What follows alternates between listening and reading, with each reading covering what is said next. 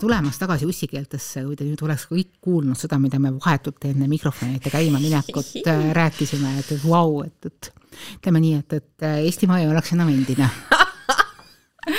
aga millest me räägime, me räägime täna siis äh, sellest, kui äh, sinu unenägudesse ilmub äh, kummaline võõras, kes hakkab seal mingisuguseid tegusid tegema ja siis me räägime seal natukene ka sellest, et äh, et mida tähendab ikkagi äh, ghost imine, et kui sa saad kokku inimesega ja sa saad aru, et järgmine hetk sa ei tahaks selle inimesega enam kokku saada, et, et millest tuleb see, et, et äh, et on olemas inimesi, kellega rohkem enam äh, kokku saada ei, ei tahaks, et äh, teema on meile soovitatud, et ussikeeled võiks siis selle, selle üle natukene arutleda mm, -hmm. nii et, et eks me üritame anda endast parima, aga kõigepealt selle kõige esimese asjanduse. et äh, mida teha siis, kui sa näed unes, et sa magad koos inimesega, kes tegelikult ei lähe sulle üldse korda. niimoodi juhtus minuga alles hiljuti äh, ja siis äh, täiesti veider asi oligi see, et, et mul ei ole selle inimesega mitte mingisuguseid kontakte, mul ei ole selle inimesega mitte mingisuguseid äh, ei antipeati ega sümpaatiasuhteid. ja millal ma siis nagu välja peaksin lugema? Keit, kas sul on niimoodi olnud? on küll, jaa. mis sellest välja lugeda mm,, ma ei tea, selles suhtes, mina olen näinud kusjuures äh, väga tihti unes, et ma jagan võõraga niisugust nagu mitteseksuaalset intiimsust ehk siis ma kas kallistan teda, me embame hästi kaua, et ma ei tea, millest see tuleneb, kas see on mingisugune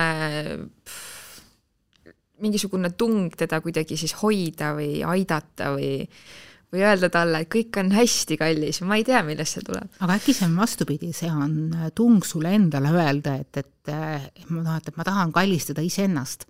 ma tahan kallistada enda sisemist ego, ma tahan talle öelda, et kõik on hästi, aga kuna iseenda kallistamine ei tule endiselt eriti hästi välja, kuigi isegi kusagil Ameerikas mõeldi selleks välja mingid spetsiaalsed padjad, mingi boyfriend pillow või midagi niisugust on olemas, et siis seesama alateadvus, kes on suhteliselt niisugune sõnakuulamatu ja ammuki jooksev tegelane, pani sinna sinu nii-öelda kehale mingisuguse esimese ette juhtuva pildi otsa, et, et noh, et keda sa võib-olla scroll isid vahetult enne magama jäämist yeah, kogemata yeah. kusagil sotsiaalmeedias või keda sa kuidagi panid sel päeval mingisuguse veidra asjanduse jaoks tähele et see on ka täpselt see, mikspärast äh, mina arvan, et, et, et see, et, et ma siin äh, nägin kolleegi väga pikantses olukorras unes, et see isegi ei tähenda seda, et mul oleks selle kolleegi suhtes mingisugune salasoov, jumala eest ei ole. Äh, et, et see on mingisugune minu alateadvus, mis ütleb, et, et ma tahaks saada sel hetkel mingisugust, mingisugust romantilist või siis mingisugust seksuaalset mingisugust impulssi mm. -hmm. et, äh, et, et jah. lihtsalt põhimõtteliselt. just, ka nii võib öelda vot, et, et noh, et do something about it ehk siis tee, tee selles osas midagi, et, et kuulake meie eelmist saadet, saadet, kus kohas soovitati selle peale hommikul kell kaheksa üles ärgata ja tegeleda telefoniseksiga. ma loodan yes., et te olete nädal, nädal, nädal aega seda teinud ja te kõik särate täpselt samamoodi nagu Keit nädal aega tagasi aga äh, millest ma tegelikult tahtsin ka öelda, on see, et, et, et muna, noh, et, et äh, meie unenäod äh, ei ole need, mis nad tegelikult on, see on nagu äh, seriaalis Twin Peaks, et, et noh, et, et puud ei ole täpselt need, keda nad paistavad, täpselt niimoodi on ka unenägudega ja kunagi hästi ammu äh, esitasime ühele unenägude uurijale, ka noh, kes on nagu psühholoog, selle küsimuse just, et, et noh, et miks ma aeg-ajalt näen unes eriti vastikuid asju. ja siis ta ütles, et, et sa pead tegelikult leidma enda jaoks oma unenägude sümbolkeele. et ta üritab sulle midagi öelda läbi mingisuguste sümbolite mm. -hmm. ja ma tean seda, et, et omaenda, minu isikliku unenägude seletamise raamatus on võõraga magamine väga sageli ka ebameeldiva võõraga magamine, näiteks ühe oma kunagise eks-boyfriendiga magamine tähendab alati seda, et nüüd palun võta ennast kokku. see tähendab seda, et sa oled hakanud haigeks jääma mm.. sinu tervis on äh, rünnaku all ja sa peaksid hommikul võtma kiiresti mingisugust C-vitamiini, võtma see järgmise päeva natukene rahulikumalt ja et, et sa nüüd ometigi rohkem tervi-, no, no rohkem tõbiseks ei jääks. ja kuna ma tegelikult Äh, olen siin eelmisel nädalal natukene tõbine olnud, et siis võib-olla ka see unenägu on tulnud sellest, et et äh, sa oled mingisugusest jamast üle saanud. aga kuna sa oled sellest jamast üle saanud, siis me ei pane sellele sinu äh, äh, seksuaalpartnerile mingisuguse väga ebameeldiva inimese nägu otsa, vaid paneme mingisuguse neutraalse inimese näo otsa, noh, et, et mis nagu noh, võiks nagu enam-vähem olla, et yeah. et noh, enam-vähem said hakkama, tubli on, et, et nüüd palun ärka üles, aja üles oma kallim sealt kõrvalt ja siis tehke see lõpuni, mis nagu unes alguse sai või nii oo oh jaa, issand, see on üks mu lemmikasju, kui ma näen täpselt enne ärkamist äh, mingit seksuaalset unenägu, siis ma reaal-, reaalsuses äh, viin sellega lõpuni.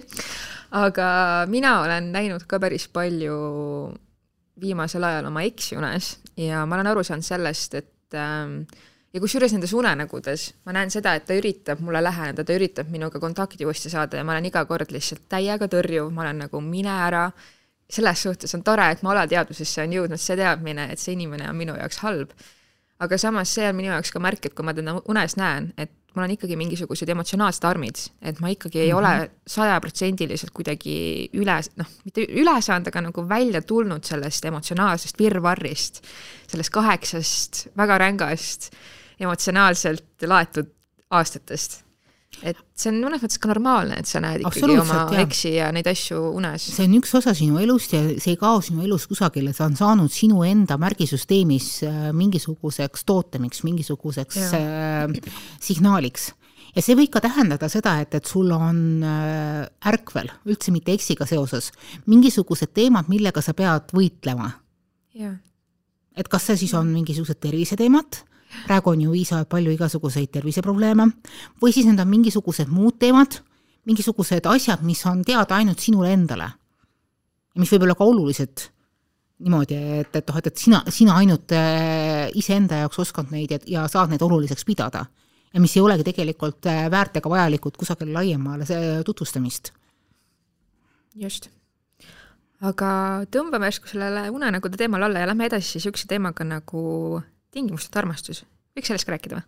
jaa, jaa, ja me pidime ka rääkima tingimusteta armastus, see on õige asi.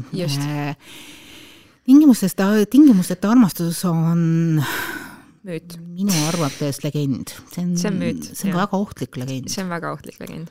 sellepärast, et äh, selleks, et armastus saaks toimida, peab olema selles äh, tingimused. just, piirid. ja esimene tingimus on see, et äh, et sina saad armastatud ja et, et sina tunned selles ennast tugevalt ja hästi yeah.. ja see tegelikult kehtib igasuguste armastuste kohta. siin on nagu toodud välja, et, et ei, et, et on olemas armastus, kus on olemas tingimusteta armastus, et, et see on ema ja väikese lapse vastsündinu armastus. aga selles on niivõrd palju äh, mürgiseid äh, äh, juhtumeid, et äh, ma natukene seletan seda, et äh, kui me eeldame, et äh, kui siia maailma sünnib väikene lapsukene ja et ema peaks teda kohe tingimusteta armastama hakkama, siis tegelikult äh, võib juhtuda, et me nõuame sealt emalt liiga palju. ja see ema ei ole, ta ei pruugi olla valmis seda last armastama. ja sest, et, ta on just üle elanud väga raske perioodi, ta on üle elanud üheksa kuud lapseootus, mis lõpus on väga ränk, ma tean, mul on kaks last ta on läbi elanud väga ränga sünnituse, isegi siis, kui see sünnitus oli ainult keisrilõige, mis on, mille kohta ma alati löön lamenti, ei ole niisugust asja nagu ainult keisrilõige, minu meelest keisrilõige on väga-väga äh, ränk operatsioon, mul on mõlemad olnud, mul on nii kolmkümmend kuus tundi sünnitus kui ka keis-, kui ka erakorraline keisrilõige olnud. Ja ma kusjuures arvan, et keisrilõige oli hullem. ja selle tulemusena võib olla see, et, et kui see väikene armas lapsukene, mille puhul me kõigi objektiivsete tundmustega saame aru, et me peaksime armastama seda last silmitult, pannakse selle emale käe peale, siis võib täitsa edukalt olla niimoodi, et ta ei tunne selle vastu mitte kui midagi. ja peamine põhjus, miks ta ei tunne selle lapse vastu mitte kui midagi, võibki olla see, et, et ta saab aru oma objektiivse täiskasvanu mõistusega, et tegelikult peaks ta praegu armastusest haige olema, aga kui seda tunnet ei ole, kui ta ei suuda seda sel hetkel tunda, siis ka see on täiesti okei okay,, sest see armastus võib tulla alles hiljem ja siis meil ei ole niivõrd palju igasuguseid äh, rasedus äh,, depressiooni, baby blues'i ja mingeid muid niisuguseid asju. et noh, ma olen sellest rääkinud äh, paari oma sõbrannaga, kes on seda kogenud, kes on noh, kellest hiljem on saanud kõik superemad nad on oma lastesse siiralt armunud, sisse võtnud, nad teevad kõik oma laste heaks, aga alguses Neil on täpselt see moment olnud, et ma peaksin midagi tundma, aga ma ei tunne mitte midagi, ma tunnen ainult seda, et, et ma olen emana läbi kukkunud. just sellepärast, et ma midagi ei tunne. Ma ei räägi iseendast praegu, minul juhtus äh, ütleme niimoodi, et minul kõik hormoonid klikkasid mm. -hmm. mõlemal korral, kui mulle anti laps kätte, tundsin ma ainult, ainult suurt ja sügavat armastust. et just, just nimelt sügavat armastust selles osas ma sain aru, et see laps ei ole minu oma. see laps on iseenda oma, ta on tulnud mind rikastama, ta on tulnud maailma rikastama, ma ei saa öelda minu oma, ta on kõigi oma. ta on iseenda oma. just, eelkõige ta on iseenda oma, ta on indiviid, just ja juba see paneb ära selle äh, tingimusteta armastuse, et, et äh, tema armastuse tingimus on, äh, on, on see, et mina armastan ennast. jah. vot. just, ja romantiliste suhete puhul see tingimusteta armastus ähm, võib olla tegelikult väga suur märk kaassõltuvast või toksilisest suhtest. et kui mul on üks sõbranna, kes on olnud pikaajalises suhtes ühe, ühe mehega ja neil oli ka väga palju probleeme mingi periood ja see mees ikkagi nagu noh, mina ütleks, et see oli nagu vaimne vägivald, mida ta tegi ikkagi. ja mu sõbranna oli tohutult katki ja natuke aega elas minu juures isegi, ma lohutasin teda ja toetasin teda, kus ma sain. aga lõppude lõpuks mu sõbranna oli äh, põhimõtteliselt sellisel seisukohal, et ei, et äh, tema armastab seda meest tingimusteta ja vahet ei ole, mis juhtub, see armastus jääb ja midagi ei ole teha. et äh, kui sul on äh, selline olukord, kus sul on ikkagi suhtes väga suured probleemid, kui su partner ikkagi kommunikatsioon ei toimu, kui ta noh, verbaalselt äh, ikkagi vägivallatseb su kallal, siis sorry, aga see näitab mulle väga ilmselgelt, et see inimene, kelle peal siis seda vägivalda kasutatakse, et ta ei ole oma piirid paika pannud et äh, suhtes peavad olema teatud piirid. Ja kui sa ei suuda neid piire kehtestada, siis see on ilmselge märk, et sa pead tegelema iseendaga, sellega, et sa saad selle nii-öelda enesearmastuse tagasi, et äh, kui, kui inimene on sinu suhtes verbaalselt vägivaldne, siis see on instantly piiri ületamine. Ja siis ära hakka jahuma mingisugusest kuradi tingimusteta armastusest, selles suhtes, et see on lihtsalt kaassõltuv toksiline suhe. jaa, ma saan aru, et see, oli, et see oli tema jaoks äh, mingisugune mina kaitsemehe, ta üritas, äh, ta üritas seda rakendada kohtades, kus ta suutis.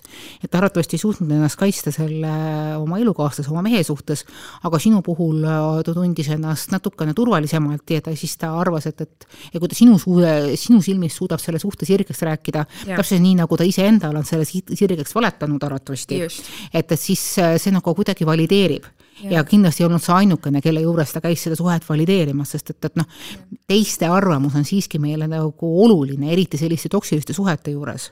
ja ma olen siin ühes varasemas saates, saates ka rääkinud, et, et ma olen, ma olen ise paraku sellise suhte läbi teinud kunagi. ja ma mingil määral äh, saan aru äh, sellest, noh, saan aru, mitte ei kiida heaks, vaid just nimelt mõistan, miks selline lõks võib tekkida.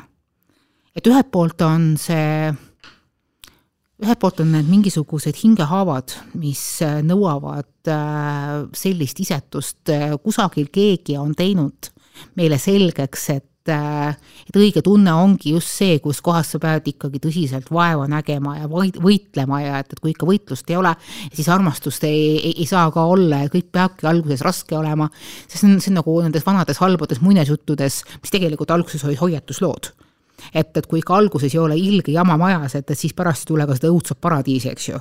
aga just nimelt pärast see õudne, rõhuka sõna õudne paradiis tulebki. see tähendab, et see, see tähendab, et on õudne ja paradiis ei ole. aga et, et see, et sa peadki nagu kannatama ja sa peadki suutma musta valgeks rääkida, sa pead võtma kõiki, kõik, kõik otsused, kõik emotsionaalse töö tegemise enda peale. ja see ongi küsimus, et noh, et, et millal su ta-, millal su tass täis saab see saab täis, täis peale esimesi mingisuguseid emotsionaalseid laksakaid.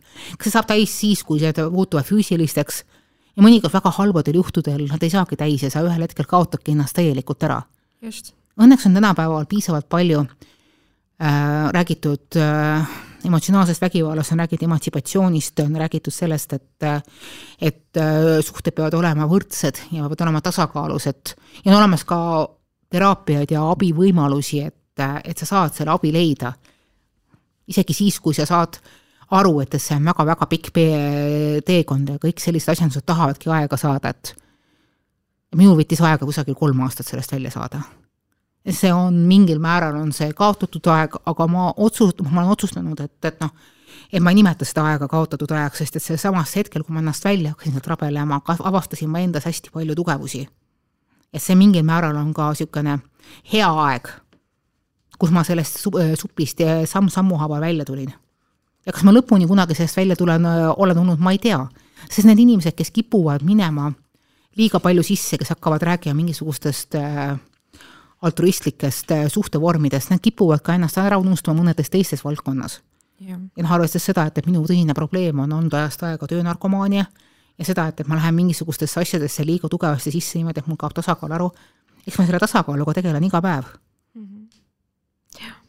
ma arvan, et äh ainuke nii-öelda valdkond, kus tingimusteta armastus on äh, isegi vajalik, on enesearmastus. et ennast armastada tingimusteta.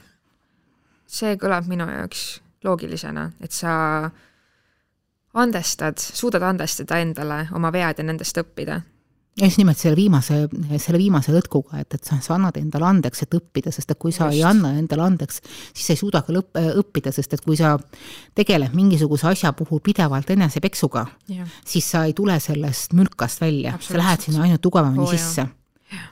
ja noh, inimesed vahet, vahetevahel ei saagi sellest aru, et need on tegelikult äh, kooskäivad asjad. et äh,, et hästi oluline on see, et sa saad aru, et kus sa, kus sa valesti tegid ning jah, me tõesti tegeme, teeme mõnikord valesti, mõnikord tõesti käitume halvasti, me käitume iseenda suhtes halvasti, aga me peame suutma sellest äh, välja tulla, et see ei tähenda seda, et, et sa ei tunnista endale, sa tunnistad endale, jah, ma tegin halvasti. jah, ma olen see halb inimene, jah, ma seekord keerasin mina selle ilge käki kokku. aga mis me siis nüüd teeme, jääme sinna pori sisse või? See on, see on natukene lapsik võrdlus, aga minu meelest see töötab väga hästi, et, et nagu mingisuguse, see probleemi sattumine, see võib tõesti olla fundamentaalne probleem. et sa kukud maha ja saad poriseks. ja see võib juhtuda niimoodi, et ega pikka aega ei suuda püsti tõusta. aga sa pead teadma, et, et seal all on porine ja halb ja tegelikult sul on võimalus sealt üles tulla ja sa pead leidma need viisid, need õlekõrrad, sa pead nendest kinni haarama ja sa pead ennast üritama välja sikutada ma saan aru, et mõnede inimeste jaoks võib see olla ableism, et, et, et noh, et, suutlikkussurve mm. -hmm. aga elu on ka, ja ma saan aru, et see on väga suur üldistus, on näidanud, et, et kui on olemas tahe, siis tuleb ka viis, võimalus yeah.. et ükskõik, kui halb see mülgas ka ei oleks, sa teed esimese sammu, siis ühel hetkel oled sa sealt väljas. ma olen teinud väga valusaid lugusid inimestest, kes on teinud, kes on oma elus kogenud väga-väga äh, suurt ülekohut ja see on nendele andnud väga suure äh, saatuse koorma kanda ja see koorem on neid muserdanud. ja nad on suutnud sellest ise välja tulla. aga see ongi võimalik siis, kui sul on see esimene tahe kui sul on see tahe abi vastu võtta, sest muidu sa ei näe seda abikätt, sul võib olla terve müriaad neid abikäde, käsi seal ümberringi, sa võid olla kõikidest äh, abiküüd-, äh, abiköintest ja õlekõrtest ümbritsetud. aga kui sul ei ole seda tahet, seda esimest momenti, siis, äh, siis sa ei tõuse. jah. ja see tahe tuleb leida iseendast, et äh, nii tihti inimesed äh, otsivadki seda välist abi meeleheitlikult, aru saamata sellest, et see esimene abi peab äh, tulema iseenda seest. sa ma pead iseendale selle käe ulatama, see on väga keeruline aeg-ajalt. aga, aga päriselt ka ükski teine inimene, välisinimene ei saa seda valu sult ära võtta, ta ei saa sind terveks ravida. Need kõik asjad, need protsessid peavad käima sinu sees, jah, väline abi on alati kasulik, aga kõik asjad algavad iseendast ja väga sageli on ka niimoodi, et, et kui tuleb äh, seda vägi, välist abi liiga palju, siis inimene, siis võib, mitte inimene, vaid siis võib juhtuda niimoodi, et, et et see sisemine töö jääb äh, kuidagi soiku, et, et et äh, see algpõhjus ei uurita välja. et, et mistõttu tulebki mõnikord vaadata, et, et kas me, kas me pakume abi õiges kohas et kas see abi, mis tuleb, et, et kas see tegelikult aitab inimest või teeb talle selle Karuteene. käitumise halvemaks, et, et, et, et, et me ei muutu kuidagi tahtmatult kaassõltlasteks. just, täpselt. See on hästi keeruline maailm ja iga kord, kui me satume niisuguste teemade juurde, siis me, me, me oleme oma saadetes varem ka öelnud, et, et palun küll, palun leidke endale hea terapeut. absoluutselt. meie oleme siin head jutumoorid, eks ju. aga, ja me anname häid nõuandeid, aga päriselt nagu hea niisugune hingeabi tuleb ikkagi sertifitseeritud hea terapeudi juurest, et noh, et, et uurige ringi, vaadake, keda soovitatakse, kellega teil tekib hea sünk ja kellega mitte, täiesti okei okay on terapeute vahetada, kõik ei pea kõigiga sobima. ja te võite olla endale hästi tänulik. no mõnikord aitab ka ussikeelte saade. Noh, vähemalt natukeseks abiks. Manona, kas sul on olnud kunagi niimoodi, et sa saad äh, kellegagi tuttavaks, alustame meesterahvastest. sa saad mõne meesterahvaga tuttavaks ja sul on niisugune tunne, et äh, fuck, mitte kunagi ei taha ma seda meest enam näha, lihtsalt totaalne error tekib. jaa, on küll olnud. ja see on väga, ja see on väga piinlik situatsioon, sellepärast oh, et, äh, et noh, et, et mida kuradit, noh. on olnud mul äh, selliseid juhtumeid, et noh, et, et saad inimesega kokku kusagil peoseltskonnas, no tore on lepitakse kokku, et ma tahan sind veel näha, no miks siis ikka, ikka on tore inimestega näha, mis me siis teeme, lähme siis eh, saame järgmine päev kokku ja joome kusagil tassikese midagi. ja siis jätad järgmine päev kokku ja siis sa saad aru, et ei. et see inimene ei lähe teps mitte. ja see ei ole isegi nagu sõltuvuses sellest, mida see inimene tegi või ütles, vaid lihtsalt võib-olla niimoodi, et, et osad inimesed tegelikult päriselus, kui ei ole eksitavaid vilesid ja tulesid ja mingisugust äh, ööelu melu kõrval äh, asju hämardamas. see on nagu täiesti okei et osad inimesed ei sobigi kokku. ja siis on need tegelased, kelle puhul sa võiks muidu arvata, et, et noh, et, et sobitakse väga hästi kokku. aga kui see esimene pool tund temaga ilma nende kellade viledate ööklubi sähvaviitse, sähvimisteta sisaldab ainult äh, vingumist teemal, kuidas elu teda nii halvasti kohtleb oh Need on tegelased, kellele on see enesearmastus natukene toksiliseks muutunud, et noh, et, et maailma suhtes enam midagi yeah. muud ei olegi. et siis jah, sealt ka enam mitte mingisugust nahka.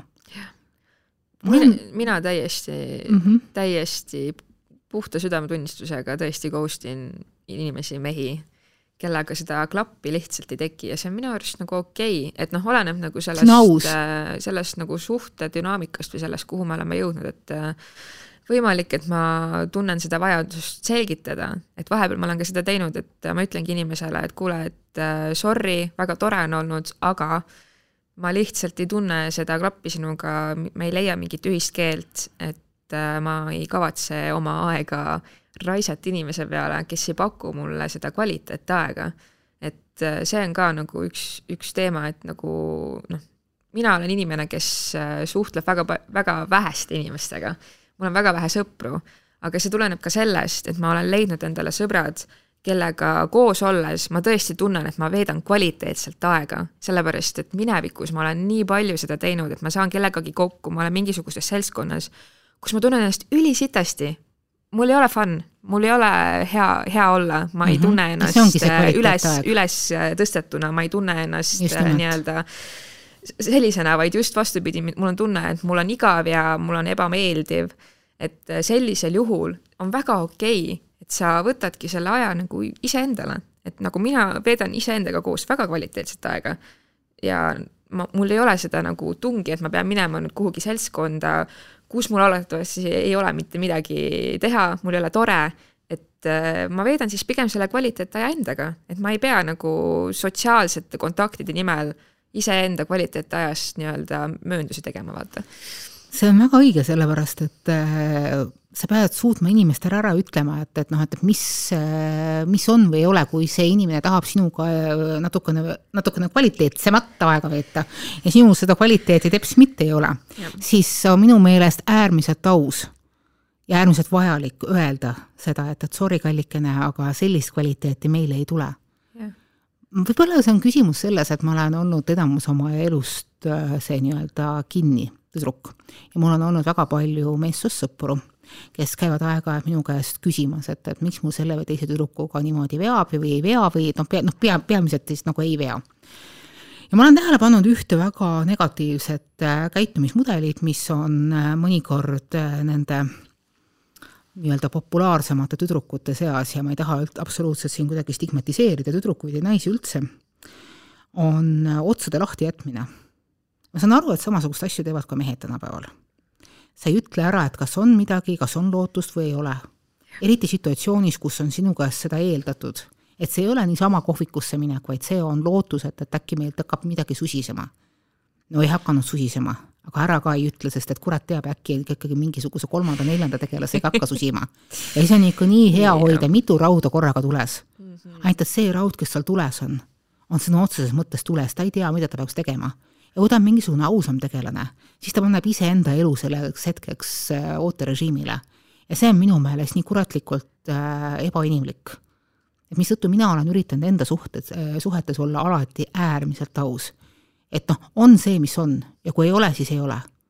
ja kusjuures see, et, et noh, et sul ei ole inimesega klappi, see ei ole üldse mitte negatiivne. üks minu elu natukene nukramaid, nukramaid lugusid, ma ei tea, kas ma sellest saatesse rääkinud, aga see ulatub kusagile noh, eelmisesse aastakümnesse, nullindatesse, oli üks noormees, kellega mul oli tohutult hea vaimne klapp ja tegemist oli äärmiselt targa noormehega, äärmiselt laheda noormehega, erudeeritud noormehega, rikas kui kröösus ja kõik muud siuksed sündmused ka. ja meil tõsiselt klappis väga hästi, ta laulis mulle ilusaid laule ja nii edasi, ta oli väga-väga hea lauluhäälega.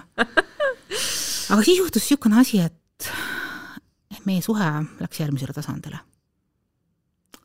ja sellel tasandil ma sain aru, et klappi lihtsalt ei ole. issand, mul on täpselt sama asi eelmine kevad juhtunud ja noh, midagi pole teha. et kui seda särtsu ei ole, siis seda särtsu ei ole ja kõik Just. muu on perfektne. just. ja mul ei jäänud mitte midagi muud üle, kui talle hommikul kurbusega öelda, et mu armas, me oleme ainult sõbrad. jah, mul on täpselt sarnane lugu eelmisest kevadest, ma ta oli väga löödud, aga ta sai aru, kusjuures oma intelligentsuse ja oma tarka, tarkuse juures ta sai sellest aru. ja tal ei olnud sellega probleemi mm mina sain eelmine kevad tuttavaks ühe vähemalt hiljem ei olnud probleeme, ma arvan, et alguses oli teil päris korralik probleem sellega, et noh, mida ma siin nüüd inimesest oletan, eks ju, aga et niisugune asi on igal juhul šokk, aga aga jah, oma kogu oma mõistuse juures ta sai ma sellest aru. ma loodan, et minuga rääkida vahepeal. ja ma üritan ühesõnaga, mul oli eelmine kevad niisugune lugu, et ma sain tuttavaks ühe tüübiga, kes oli peaaegu nelikümmend ja ta oli hästi fucking tark, ta on arhitektuuri õppinud, me käisime vanalinnas jalutamas ja ta oskas mulle praktiliselt iga fucking maja kohta, mis seal vanalinnas on, rääkida mingi loo või mingisuguse ajaloo, mingisuguse snippeti. ja selline vaimne klapp oli tohutult olemas ja tohutult hea. ja siis, kui me viisime ka selle nii-öelda järgmisele tasemele, et ma magasin temaga, siis ma sain aru, et öö, ei et seda nagu seksuaalset klappi ei olnud absoluutselt, kuigi tal on väga suur peenis aga see ei päästnud seda olukorda. selles suhtes, et, äh, et jah, vahepeal peab tunnistama, et inimesega, kelle, kellega sul on väga hea niisugune vaimne klapp, seda seksuaalset klappi ei pruugi seal tegelikult olla alati. just. aga ma ei tea, kas võtame saate kokku või on sul veel midagi lauda tuua? ei. ei ole selge, aga siis äh, teeme nii ja minge siis äh, date ige ja leidke endale inimesi, kellega teil on nii vaimne kui seksuaalne klapp, sellepärast et ainult ühest hästi. ei piisa. absoluutselt, tundke ennast hästi, juhu uh